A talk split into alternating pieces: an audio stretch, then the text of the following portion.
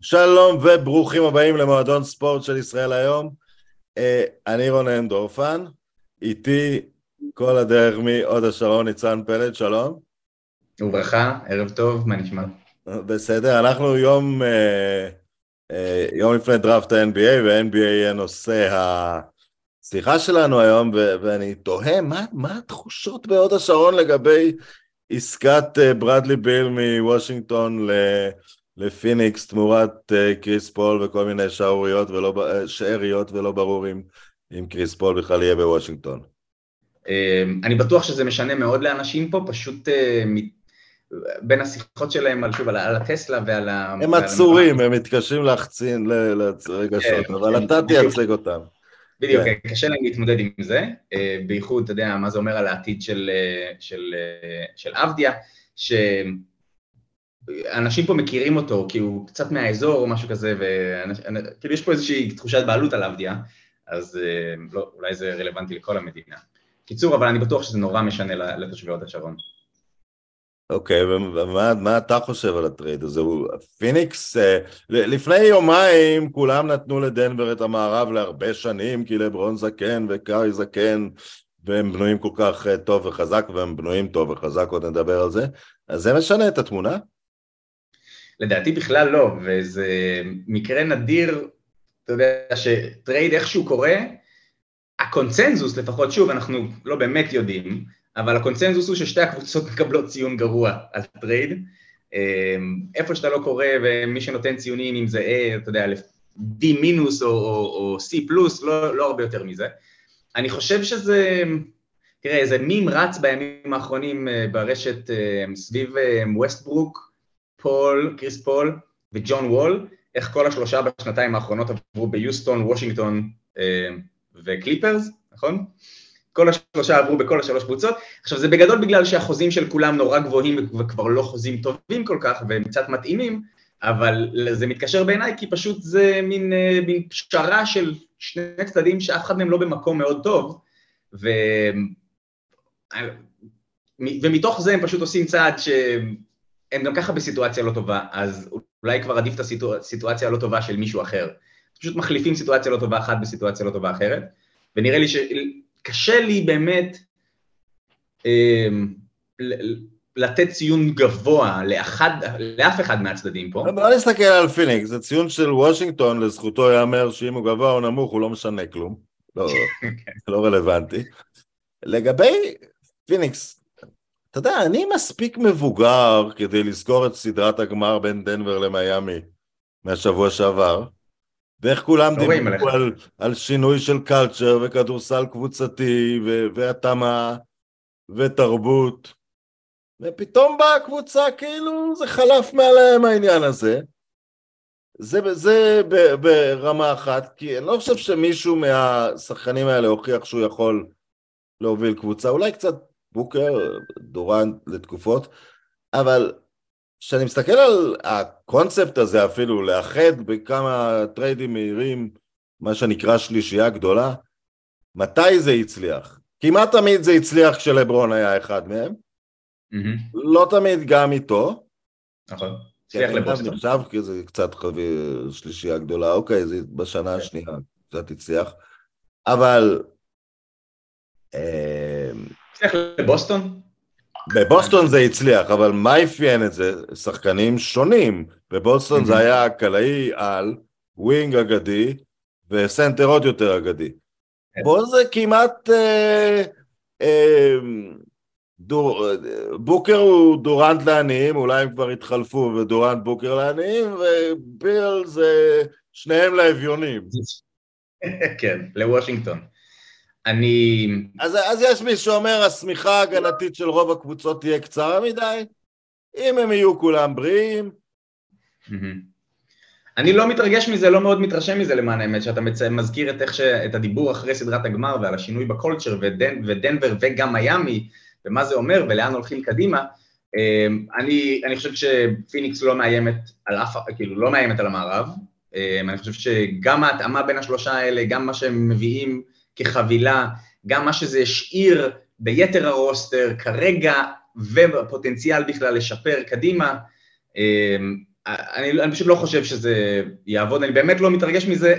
על פניו, אפילו אם זו הייתה ליגה של שלוש על שלוש, נראה לי שהשלישייה הזאת ספציפית לא מרגשת אותי במיוחד, או בהכרח עליונה על כל מיני שלישיות אחרות שאפשר להרכיב.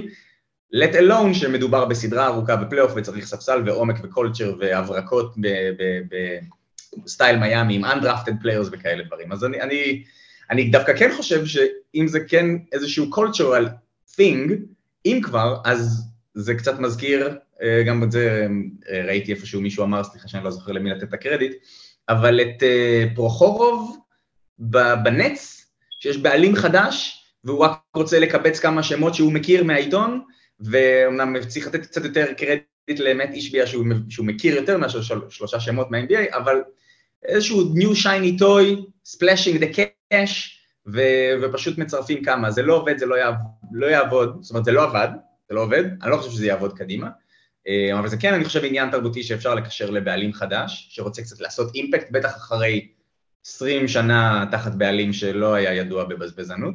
אה, ואני חושב שדווקא, גם הכישלון שלהם בפלייאוף האחרון, ספציפית מול דנבר, והכישלון שיבוא של השלישייה הזאת, אני חושב שאם כבר יכולים דווקא לחזק את התפיסה, ש...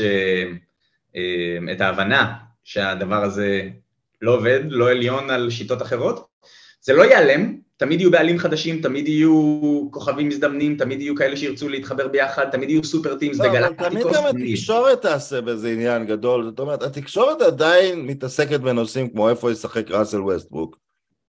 ואני לא אנטי ווסטברוק, אבל זה באמת לא משנה איפה הוא ישחק. זה לא משהו כן. שהוא חלק מיחסי, בטח לא בגילו, זה לא משהו שהוא חלק מיחסי הכוחות של הליגה. זה לא, אתה יודע, לצורך העניין, מעבר של איזה ג'וש הארט הוא יותר חשוב מאשר... אה, אבל הם ממשיכים להיות, אה, נדבר על זה בהמשך, הם, הם מאוהבים בשחקנים הפלאשי האלה.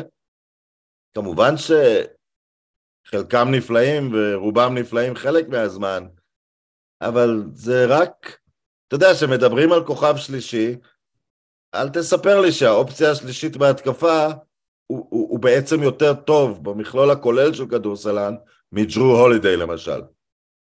מ, מתחילים להיות השחקנים האלה באליפות הזאת של דנבר, קצת KCP בלט בזה, שהם שחקנים משלימים mm-hmm. קלאסיים לאלופות. זה מה שאתה כן. צריך אחרי שיש לך שני כוכבים. כן, וגם הרבה אנשים מדברים עכשיו על, אה, על ה-CBA החדש ומה הוא מאפשר לקבוצות מבחינת גמישות וקנסות, וכולם מדברים על דווקא זה שביג פרי זה לא סוסטיינבל בכלל, וזה לא ישאיר מקום לשום דבר מלבד אה, חוזי מינימום, אה, ושדווקא כן צריך ללכת יותר למודל של כרגע, לפי הערכות של איך ייראה, איך תראה תקרת השכר תחת חוקים החדשים, צריך ללכת למודל של ביג one and a half הם קוראים לזה, וכאילו יוקיץ' ומרי זה פרפקט ביג one and a half ואתה מקיף אותם בהרבה אנשים שמשלימים. אתה צריך את השחקנים של ה-15-20 מיליון דולר, שזה שחקנים טובים בחוזה שני או שלישי, אזור הגיל 30 כזה. כן, אז הם אומרים שדווקא החוזים האלה ייעלמו יחסית מהנוף, וקבוצות שייתנו שני חוזי מקס לא יוכלו להרשות לעצמם את החוזים של סביב ה-20 מיליון, ולכן בשביל להשלים סגל, זה בעצם יהרוג את מעמד הביניים. זו איזושהי פרשנות של אנשים שלמדו לעומק את החוקים של, ה, של ה-CBA החדש שקראתי. אוקיי, אמ, אוקיי, מעמד הביניים מת, זה לא חדשות, זה קורה. כן. אפרופו גמר ה-NBA, פתאום הדיבור הוא ש... אתה באמת נותן לדנבר לפחות את המערב לכמה שנים? אתה יודע, התסריט הכי סביר בעיניי לגבי הסגל של דנבר, הוא התסריט שיוקיץ' עצמו ישתפר. זה דבר מדהים, בגלל ש... זה מה שהענקים עושים. כן, כן, קודם כל יש לו בטוח לאן להשתפר, ולו בגלל מפאת הגיל שלו, זאת אומרת אנשים בגיל הזה ממשיכים להשתפר, בדרך כלל יש איזשהו, אתה יודע, הגרף הפיזי יורד, הגרף המנטלי עוד עולה, רק שאצלו הגרף הפיזי אף פעם לא היה כזה קריטי, אז אין הרבה לאן עוד לרדת. אה, כמו שאמרת קודם, העניין של השלשות, עוד הוא יכול לזרוק יותר ולקלוע יותר. אני חושב שהם גם היו ממש לא רעים בהגנה לאורך רוב הפלייאוף הזה, ועשו דברים יפים, וגם הוא היה יותר פעיל, הוא אף פעם לא יהיה, אני מניח, שומר אחד על אחד אדיר, אבל עם הגודל וה, וה, והחוכמה שלו, הוא, הוא מצליח לעמוד באמצע של הגנה שמסביבו הם זזים קצת כמו יחידה אחת ויודעים אה, לסגור. הוא היה הרבה יותר מאשר לא, לא... זה, אני, אני אגיד לך משהו, דווקא כי מושיבים את העיתונאים הזרים מעל הזרקורים אפילו. אה, הוא, הוא, הוא, הוא, הוא לא חוסם, משחק אחד הוא חסם שלוש זריקות. הוא דוחף שחקנים אל הבלטה שהם לא, נוח, לא נוח להם מהם. זה, זה קומפיוטר, זה קומפיוטר. כן? ואם הוא דוחף מישהו, מישהו זז, כן, כי מסה יש לו. כן. אה, אפרופו מסכנים הסוסים שלו, התמונות שרצות על זה שהוא אה, איתו על כרכרות, אה, אני לא יודע איך הם סוחבים אותו. אבל לגבי דנבר והעתיד שלהם, דווקא בהקשר של ה-CBA, והעובדה ש-Windows of Opportunity של קבוצות הוא לא מה שהיה. אתה יודע, מתי אני קיבלתי את הכאפה בהקשר הזה? בערך לפני קצת יותר מעשר שנים, כשהסתכלתי לעתיד וראיתי את OKC מצד אחד ואת הבולס מצד שני, ואמרתי, וואו, לשתי הקבוצות פה יש ווינדו של עשור עכשיו, עם סופרסטארים בני 21-22, ופוף, בתוך כמה שנים לא נשאר כלום מאף אחת מהקבוצות האלה. מה זה בתוך כמה שנים? תוך שנה או שנתיים. וגם פורטלנד, הם מסיבות, האמת די דומות בזמנו, היה להם ברנדון רוי וגרג אודן, ואמרתי, בואנה, יש פה יש להם גם ווינדו, ופתאום אתה מבין ש-Windows of Opportunities ב-NBA הם, הם, הם הופכים להיות Windows של שנתיים, של שלוש, מה שה-Warriors עושים כבר תשע שנים זה הכי Outlier כמעט שיכול להיות, אמ, ובטח עם CBA שמאוד יקשה ו- וקבוצות יצטרכו ללמוד אותו מחדש ולהיערך אליו, דווקא העובדה שדנבר, גם צעירה, גם כבר אלופה, זאת אומרת, יש את הפדיגרי של האליפות, וגם עכשיו אני מסתכל שוב בשביל לא לטעות, לשנה הבאה יוקיץ', מארי, פורטר, גורדון, KCP, ברוס וברוס בראון, כולם חתומים, סליחה, ברוס בראון בדיוק היום הודיע שהוא יוצא מהאופציית שחקן שלו, אבל קריסטיאן ברון בעצמו חתום גם. אתה מסתכל עוד שנה קדימה, יוקיץ', מארי, פורטר, גורדון ו-KCP חתומים, וקריסטיאן ברון עדיין על חוזה רוקי, ועוד שנה קדימה, יוקיץ', פורטר וגורדון עדיין חתומים, ורק צריך לחדש למארי. זה ארבע שנים, שלוש שנים פלוס מעכשיו, כמה, אקספשנס יש בהסכם החדש? עדיין שניים? מיד לבל והנמוך? אה, אני, אני חושב שהשאירו אותם, אבל הגבילו אותם, וקבוצות שעוברות... אה, כן, אבל עם זה אתה משיג את האלופות, הם בעמדה הכי טובה להשיג את המיד לבל אקספשנס הזקנים. את אלה שרק האליפות מעניינת אותם. אז הם גם, נכון. יהיו, הם גם יהיו בנקודה, ופה אני חושב דווקא על כמה מהבראדרס של אה, יוקיץ', על ווצ'וביץ' עוד לא, עוד לא שם, אבל בוגדנוביץ', אה, שניהם אגב באו למיאמי לסדרת הגמר, אני חושב שגם לדנבר, הם באו לתמוך בו. אה, כן, ודווקא בהקשר הזה, אם אתה מסתכל באמת על קבוצה כמו פיניקס, שדי מובטח לה שהיא תעבור את ה... לא זוכר איך הוא קורא, את האייפרון או את השלב כן. הראשון, היא מאבדת את, ה, את האקספשנים היותר גבוהים, ויהיה לה הרבה יותר קשה לבנות קבוצה עם המעמד ביניים הזה, ואצל דנבר, המעמד ביניים הזה שהולך להיעלם מהליגה, הוא חתום כבר לכמה שנים קדימה, ואני חושב שזה חלק מאוד מיוחד. פורטר הוא ביניים גבוה, גורדון ביניים וחתום, KCP ביניים וחתום, אמ, אפילו החוזה של מארי כרגע הוא עוד לא, הוא עוד רחוק מהמקס. עכשיו גם יש עוד נקודה, ואני צריך לשאול אותך על זה. כן, יש שחקנים שהם סופרמקס, אבל הם לא כולם באותה רמה. יוקיץ' ברמה אחרת מהם. כן. הוא שחקן, ביכולת, אם זה היה כדורגל, אז הוא היה שווה בגילו, לעומת מי שיש, אז הוא היה השחקן היקר בעולם. כן. זה שווה הרבה יותר, אולי מיאניס לא, אבל הוא ויאניס היו שווים לא אותו דבר כמו ה supermax האחרים, אלא הרבה נכון. הרבה יותר. כן. אמ, זה, זה העניין של תקרת שכר ב-NBA, סליחה, של ה max באופן כללי, שהוא קצת משטיח את הטופ ומייצר את העיוותים האלה, כשכאילו אם לא היה את הדבר הזה, אז שחקנים כמו יוקיץ' או יאניס, בלי max, אולי היו מקבלים גם 100 מיליון דולר לעונה, מי יודע. כן. אמ, כמו שכאן... היה בסדרה בשבילי, כאילו שלא... אתה יודע, כל עוד יוקיץ' היה על המגרש הם נראו אלופה, וכשהוא יצא אז בארבע עבירות, בחמש עבירות, לסוף הרבע הרביעי של משחק ארבע, ודווקא אז אה, ברוס בראון ו... אה, אה, כן. ונו. גורדון, לא? כן, וגורדון הכריעו את המשחק, הבנת שהם שושלת, הם לא אלופה. כן, אני, תראה, אנחנו חמש עונות ברציפות, חמש אלופות שונות, זו פעם ראשונה שזה קורה מאז תקופת המעבר של הליגה בסוף ה-80's, בסוף ה-70's אחרי המרג'ר, אמ, ובאמת עם חלונות Windows of Opportunities קצרים וחוזים קצרים ותנועה מאוד גבוהה של שחקנים קבוצה לקבוצה, כל הסיפור של שושלת נראה כמו משהו, כמעט כמו הסדרה שושלת, משהו שההורים שלנו יספרו לנו עליו, אבל, אה, אבל אם יש למישהו צ'אנס באמת לבנות פה איזה דיינסטי זה הם.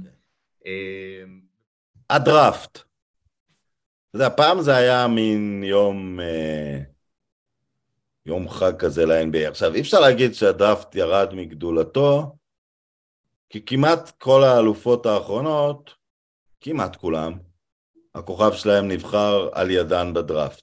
Mm-hmm. לברון הוא לפעמים היוצא דופן, הוא גם זכה עם קליבלנד, סטף, כמובן, mm-hmm. יאניס, כן, יוקיץ'. יוקיץ', אבל תהליכים ארוכים, בחירה לא גבוהה, אמ, אז אפשר לעשות עבודה טובה בדראפט, אבל לפחות החדשות של יום אחרי הדראפט, של מי הטופ 10, הן כמעט לא רלוונטיות. הן כמעט לא רלוונטיות, והן בטח לא רלוונטיות לעתיד הקרוב. כמובן שהשנה זה קצת שונה, ונדבר תכף על, על ומבניאמה, אבל אני אקח אותך עוד פעם לכדור... פעם הדראפט היה חשוב כי השחקנים שיחקו זה מול זה עד גיל 22, ואם אני אגיד לך להגיד לי מי השחקני כדורגל הכי טובים בעולם בגיל 22, אתה די תדייק. אם אני אגיד לך בני 18 הכי טובים או 19, אתה די תפספס. Mm-hmm. זה משחק ניחושים, אה, ואולי הקבוצה שהכי בנתה את עצמה, נאסוף מיליון בחירות דראפט גבוהות, עוד לא ראיתי את פילדלפיה בגמר אזורי. כי קרה בדיוק מה שקורה בדרפטים האלה. יהלום אחד באמביד, כישלון אחד טוטאלי במרקל פולקס, אחד שנראה טוב בהתחלה אבל התפרק מנטלית כמו בן סימונס, כמו שקורה עם אנשים צעירים. כן. רק חלקם בסוף טובים. כן, ב- אם אתה מסתכל על בני 18 ואומר מי מהם יהיה סופרסטאר בגיל 25 ואתה פוגע באחד משלוש, זה יפה אפילו. כן. אני אתן לך עוד אור, שנייה שאני אקפוץ עוד פעם לכדורגל. זידן עזב את בורדו בגיל 24 להצטרף ליובנטוס. סביר שלא שמעת, אני לא יודע כמה אתה בתוך כדורגל, אבל סביר שלא שמעת עליו כשהוא היה בבורדו, שידעת את השם כי הוא היה, הוא היה פעם באיזה סגל צרפת שזומן, אבל בטח לא ייחסת לזה משמעות. Mm-hmm. אז זה בדיוק כמו יוקיץ', זה לא כל כך אפילו late bloomer, זה bloomer סביר, גיל 23-4. Mm-hmm. כן, למרות שכרגע, כמו שאתה אומר, הציפייה היא להיות מסוגל להבין אם הדבר הזה הוא... הוא, הוא סופרסטאר או לא, שלוש שנים עוד לפני זה, זה, זה לא סביר ברמה האנושית, זאת אומרת, ברמה של איך שבני אדם מתפתחים.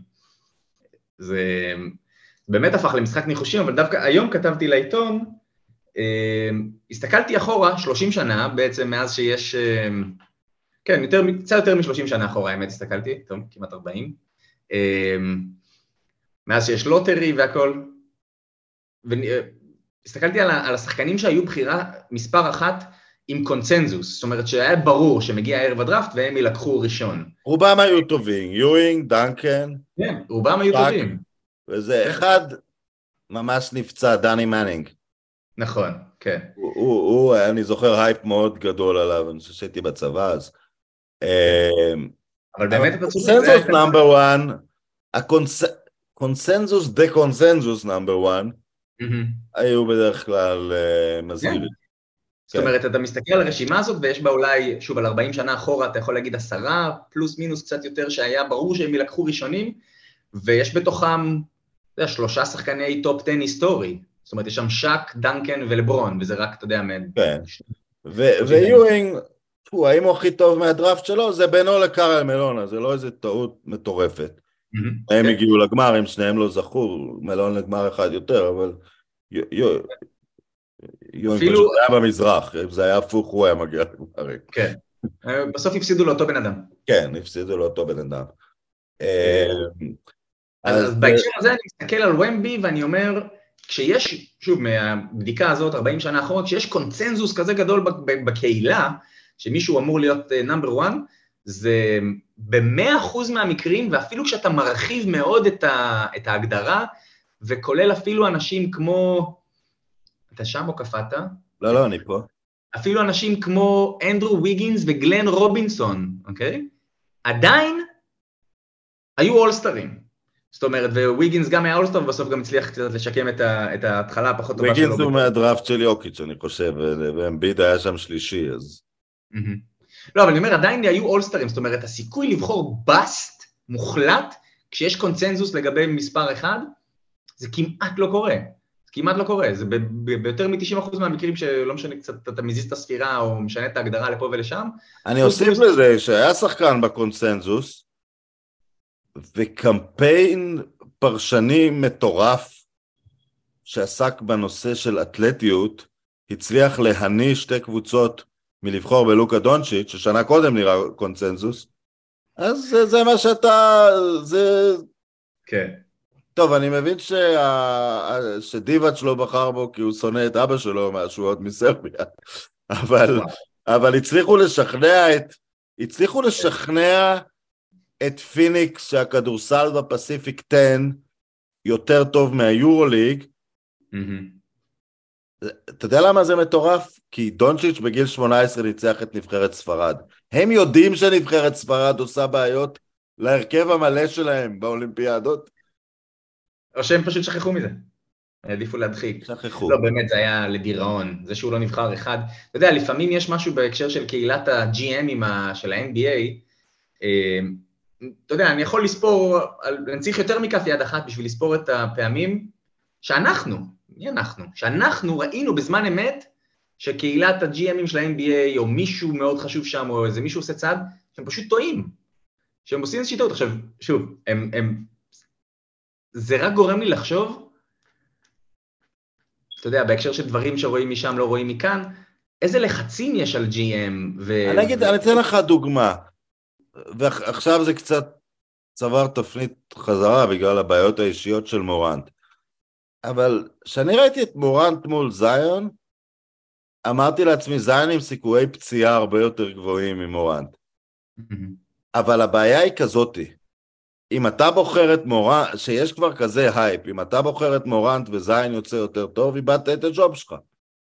אם אתה בוחר את זיין ומורנט מדהים והוא יותר טוב, זה לא נורא, וזה, אתה יודע, זה, זה, זה מתורת המשחקים נדמה לי הדבר הזה. אה, מעניין אותו. אתה ראית את הרעיון של הבחור הזה?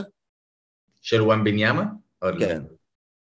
עכשיו, זה נשמע אולי שהבן אדם הזה, אולי העלה לו קצת השתן לראש, כי הוא, הוא דיבר עם אה, ג'יי ג'יי רדיק על uh, השאיפה האמיתית שלו, שזה להיות אדם חופשי ביקום, uh, אבל הוא כן עשה את הבגרות בצרפת בערך שנה לפני כולם.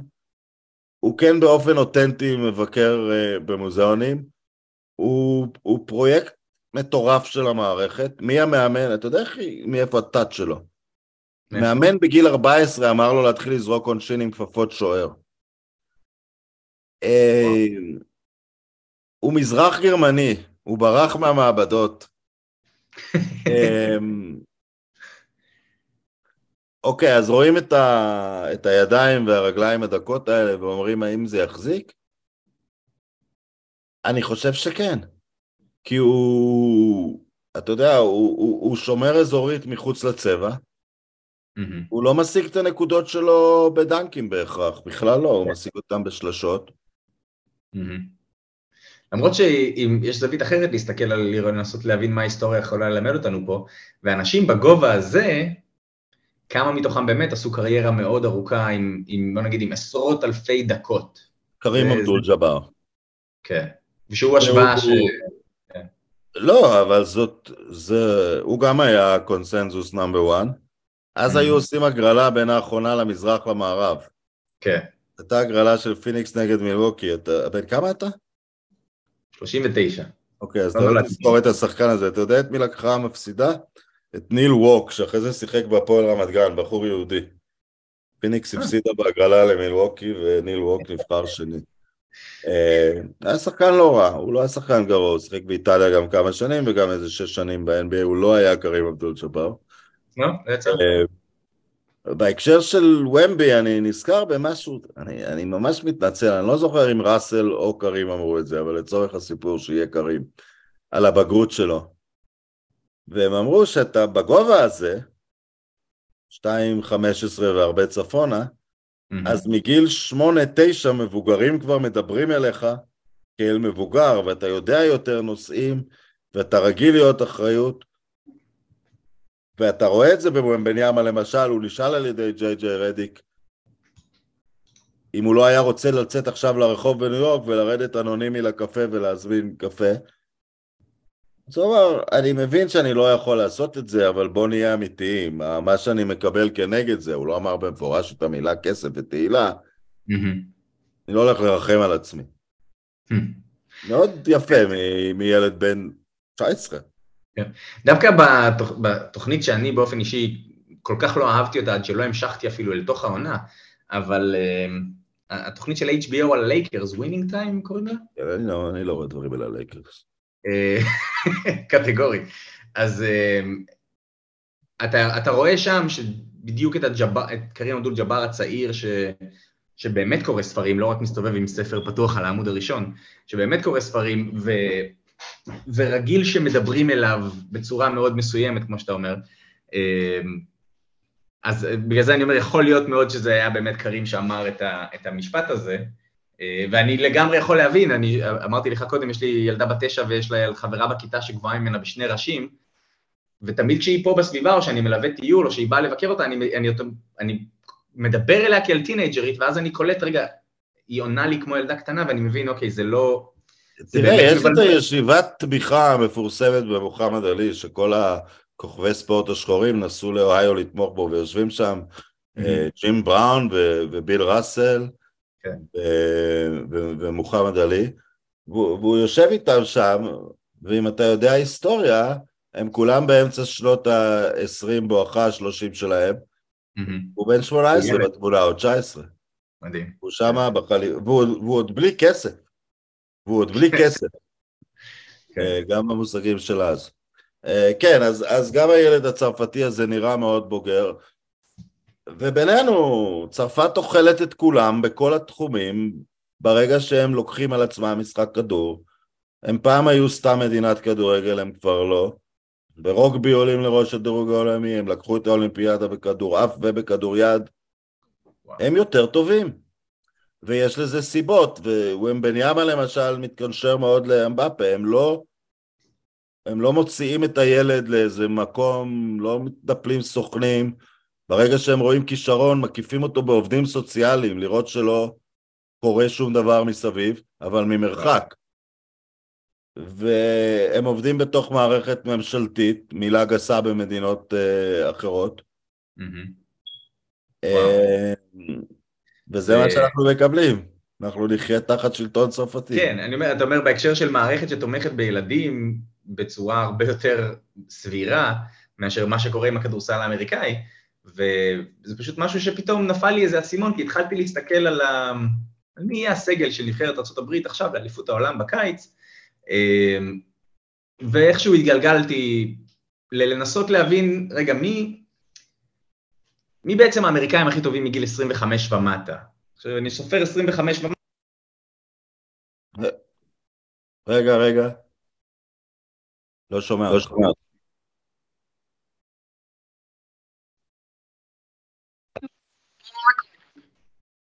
תתחיל ממי האמריקאים הטובים, התחלתי לבדוק מי האמריקאים הטובים מגיל 25 ומטה.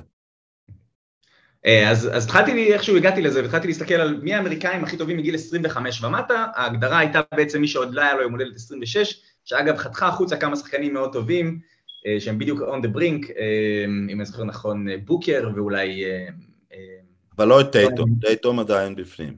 דונובין מיטשל, נכון, אבל טייטום נכנס. והסתכלתי וראיתי, ניסיתי לבנות סגל אמריקאי של מגיל 25 ומטה, ושוב, העומק האמריקאי אין לו תחרות, זה אנחנו יודעים, גם אפילו כשמשווים אה, מול יתר העולם, ורואים שיתר העולם זכו שלא אמריקאים זכו בחמשת ה-MVPs האחרונים, אמ, ושאם אתה עושה חמישייה מול חמישייה, אז ל, ליתר העולם יהיה את אה, יוקיץ' ואמביד ויאניס ולוקה באיזושהי צורה. לא כל כך כן. הוגן, אבל גם ג'מאל מארי, כן. כן. ברגע שאתה עובר לחמישייה השנייה והשלישית, אז העומק האמריקאי מתחיל אה, לתת את אותותיו, וזה ניכר. אז אתה גם מסתכל על הסגל הזה של נגיד נבחרת ארה"ב עד גיל 25, ואתה רואה שיש פה, זאת אומרת, סופרסטארים חסרים פה מאוד, זאת אומרת, יש את טייטום, אה, חוץ ממנו, טרי יאנג, טרי יאנג, ג'ה מורנט, אדוארדס, אה, בם. שי גילג'ס אלכסנדר. הוא... שחקן נפלא. קנדי. או. כן. אה, הוא היה לי, ב... כן, היה פה ברשימות, אבל סונן החוצה מפאת קנדיותו. אה, דיארון פוקס, אינגרם, אה, ג'רן ג'קסון ג'וניור, זאת אומרת, אין פה שחקנים, כמה שחקני top. מעבר לזה שאין פה משהו מדהים, אין פה גבוה אחד legit. כן, ג'יי ג'יי ג'יי ובאם אחי, הם כאילו, זה מה שיש. והם כבר תכף בגיל. מה שיוקיץ' עשה לבאם זה לא נעים. כן, מובלי. כאילו, ו- וגם לדייוויס אגב, זה אנחנו עולים לגילאים אחרים. כן. הוא, כן. הוא פגש את ה... אני לא מדבר על אייטון, זה היה צריך להיות מופסק. אבל כן. אלה האמריקאים, אלה הסנטרים האמריקאים הטובים, זה שלושת הסנטרים האמריקאים הטובים. כן, כן, ואני אומר, אבן מובלי עוד יכול אולי לצאת עם משהו, משהו ברמה הזאת, אני לא חושב שהוא יהיה הרבה יותר טוב מהרמה שלו. וגם את טאונס אגב הוא ראה, וגם אותו הוא שחט, אז... נכון.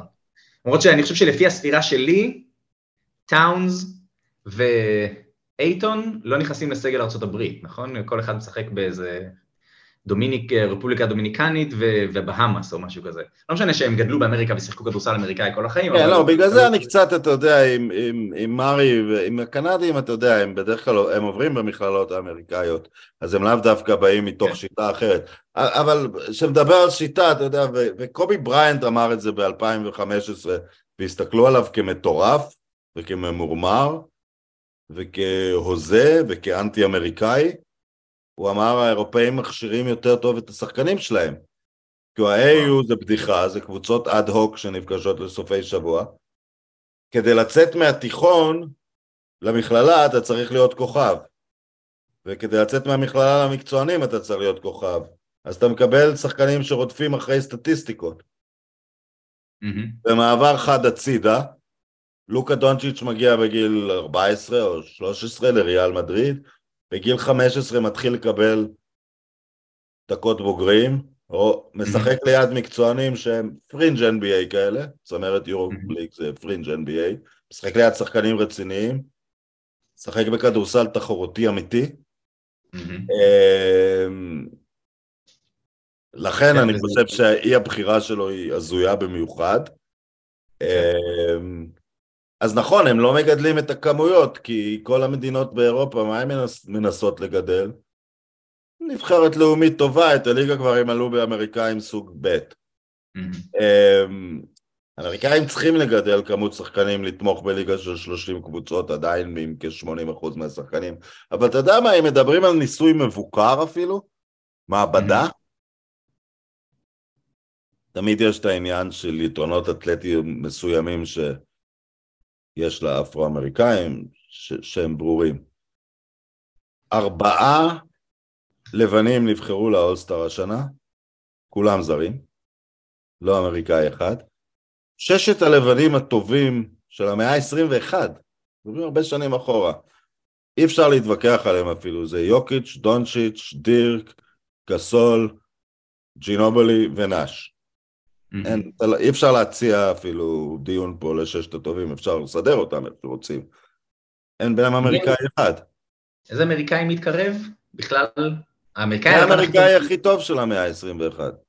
קווין לאב? אולי קריסטיאן בראון, הוא נתן משחק טוב במשחק. לא, אין. אני לא יודע מי האמריקאי הטוב של המאה ה-21.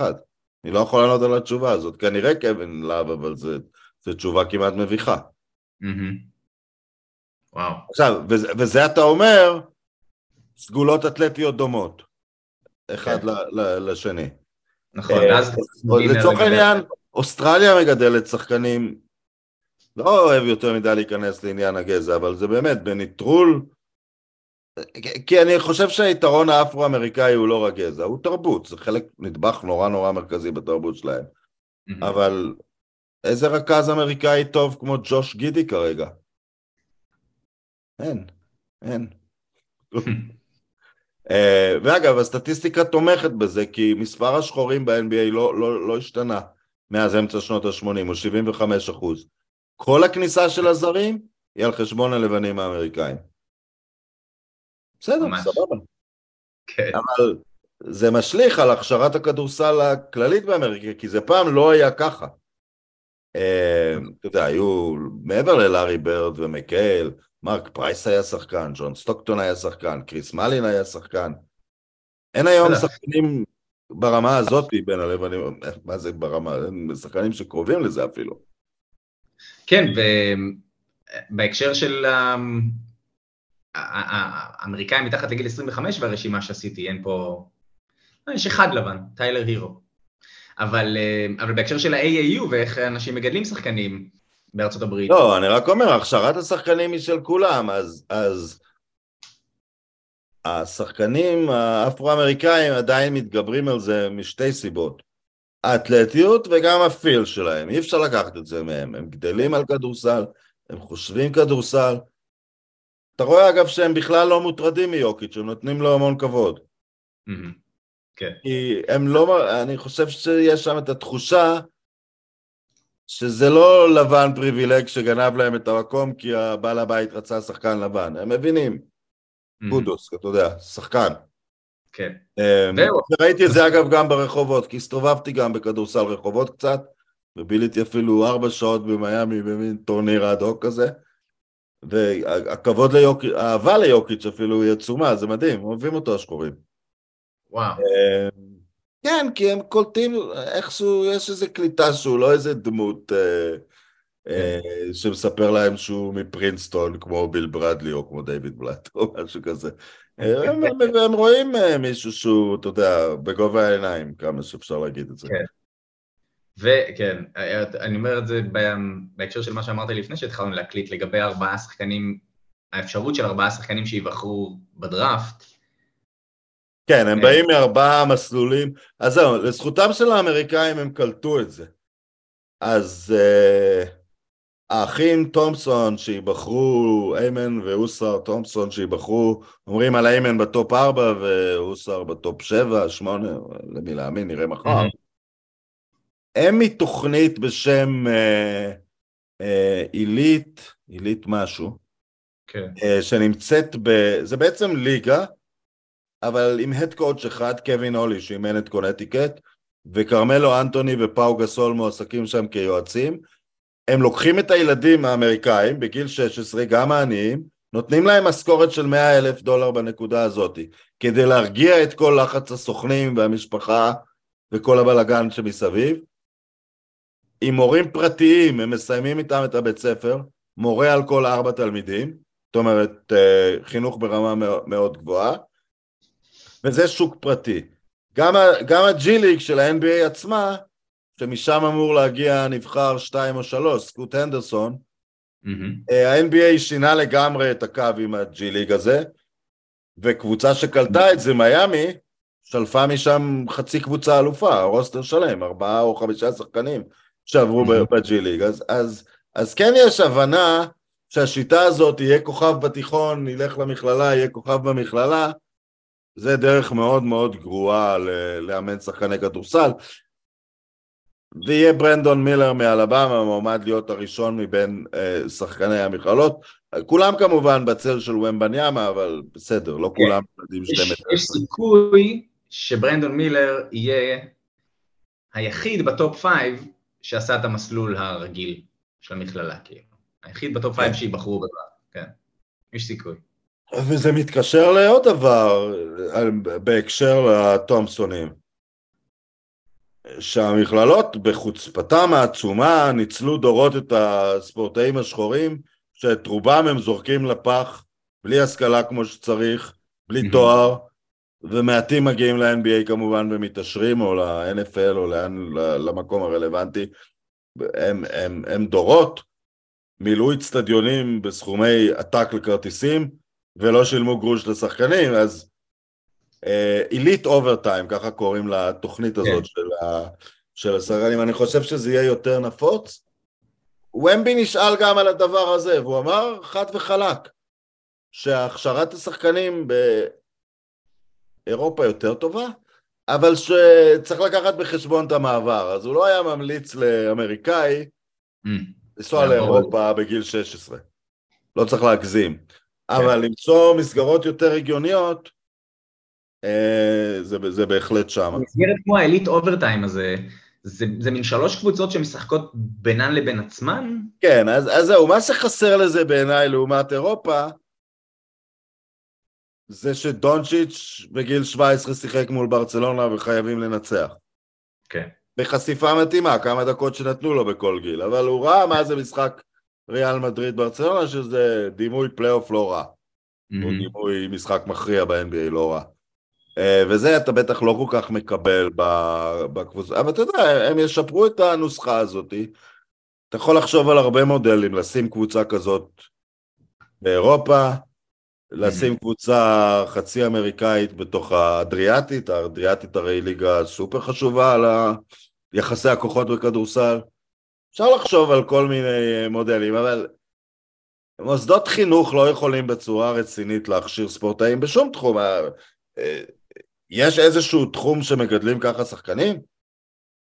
כן, ממש לא, אני חושב... אה, לא, אני יודע, מדבר כשיש- מזורקי כידון, דרך שחיינים אולימפיים, כולם באקדמיות, אין דרך לגדל ספורטאי עילית. הספורט אה, הוא... ואתה יודע, במכללות יש כל מיני חוקים, אסור להתאמן עם המאמן כמה חודשים בשנה, זה לא עובד ככה. ילד, וגיליתי שלקבוצות NBA אין קבוצות נוער, אני הייתי בהלם, אני מדבר איתך על כשהייתי בן עשר, כן? אה, אוקיי.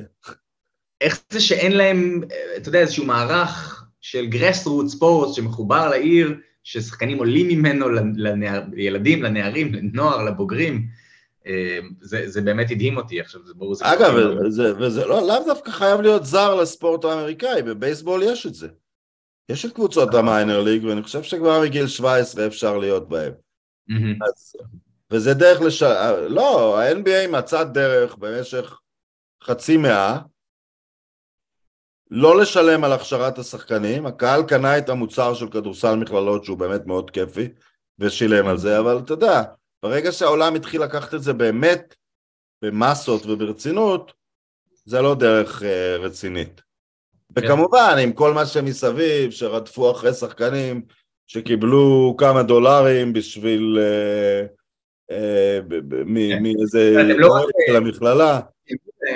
הם, הפעילו מערכת אכיפה ש, שתאסור עליהם, לא יודע, למכור את החתימה שלהם בשביל המבורגר, כן. אז אני אקליט עוד פעם לדרג את זה. ניצן פלד, רצית אה, להמליץ משהו לצופים? כן? מילה אחת לסיום. אמ, אני מניח שהרבה מתוך, אה, מתוך מי שצופה, מאזין לדברים האלה, חובבי NBA בעולם, רואים ביוטיוב, יש הרבה מאוד ערוצים של אנשים שלוקחים נורא ברצינות אה, את ה-NBA, ומנתחים, והיס- והיסטוריה, והשוואות, ואנשים שצוללים לתוך טקטיקה, אם זה Thinking Basketball, ו BBall Breakdown, והרבה מאוד צ'אנלים כאלה. לאחרונה ממש צץ channel שקוראים לו Skap Attack, אוקיי? זה S-K-A-P, Skap, אני לא בטוח מה זה, ו-attack, קצת כמו Shaq Attack, Skap Attack, וזה channel, אמ, אני לא יודע אם הוא פרודי או לא, אבל הוא בוודאות אמ, סוג של, הוא, mocking את, הסיפור הזה של הסיקור ה-NBA המאוד רציני. אמ, הם תפסו איזושהי נישה של סרטונים שהם הטרלות, והם יורדים על שחקנים, אבל זה הכל בפאתוס, ולמי שמחפש קצת איך להעביר את השבועות האלה בלי כדורסל תחרותי וסרטונים באמת עם עומק או מהות, Skap Attack ביוטיוב, אה, הם כל כמה ימים מעלים סרטון, ואותי זה נורא מצחיק בתור מישהו שנורא מתחבר, מתחבר ל trollism, harmless trollism. אל, אל תשכח אה, לת- לתת את הלינק, אני אשים אותו בפתיח של הטקסט, אה, ולהשתמע.